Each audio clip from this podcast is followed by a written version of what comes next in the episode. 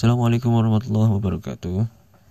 Selamat kembali, selamat menunaikan ibadah puasa di bulan puasa ini di bulan uh, di bulan Ramadan yang penuh berkah ini.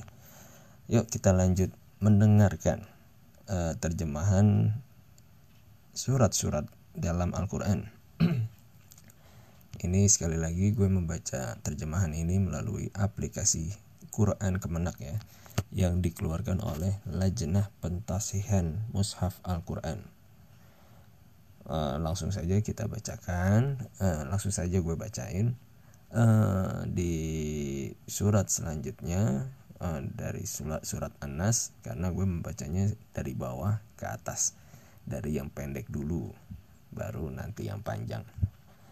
A'udzubillahiminasyaitonirrajim Bismillahirrahmanirrahim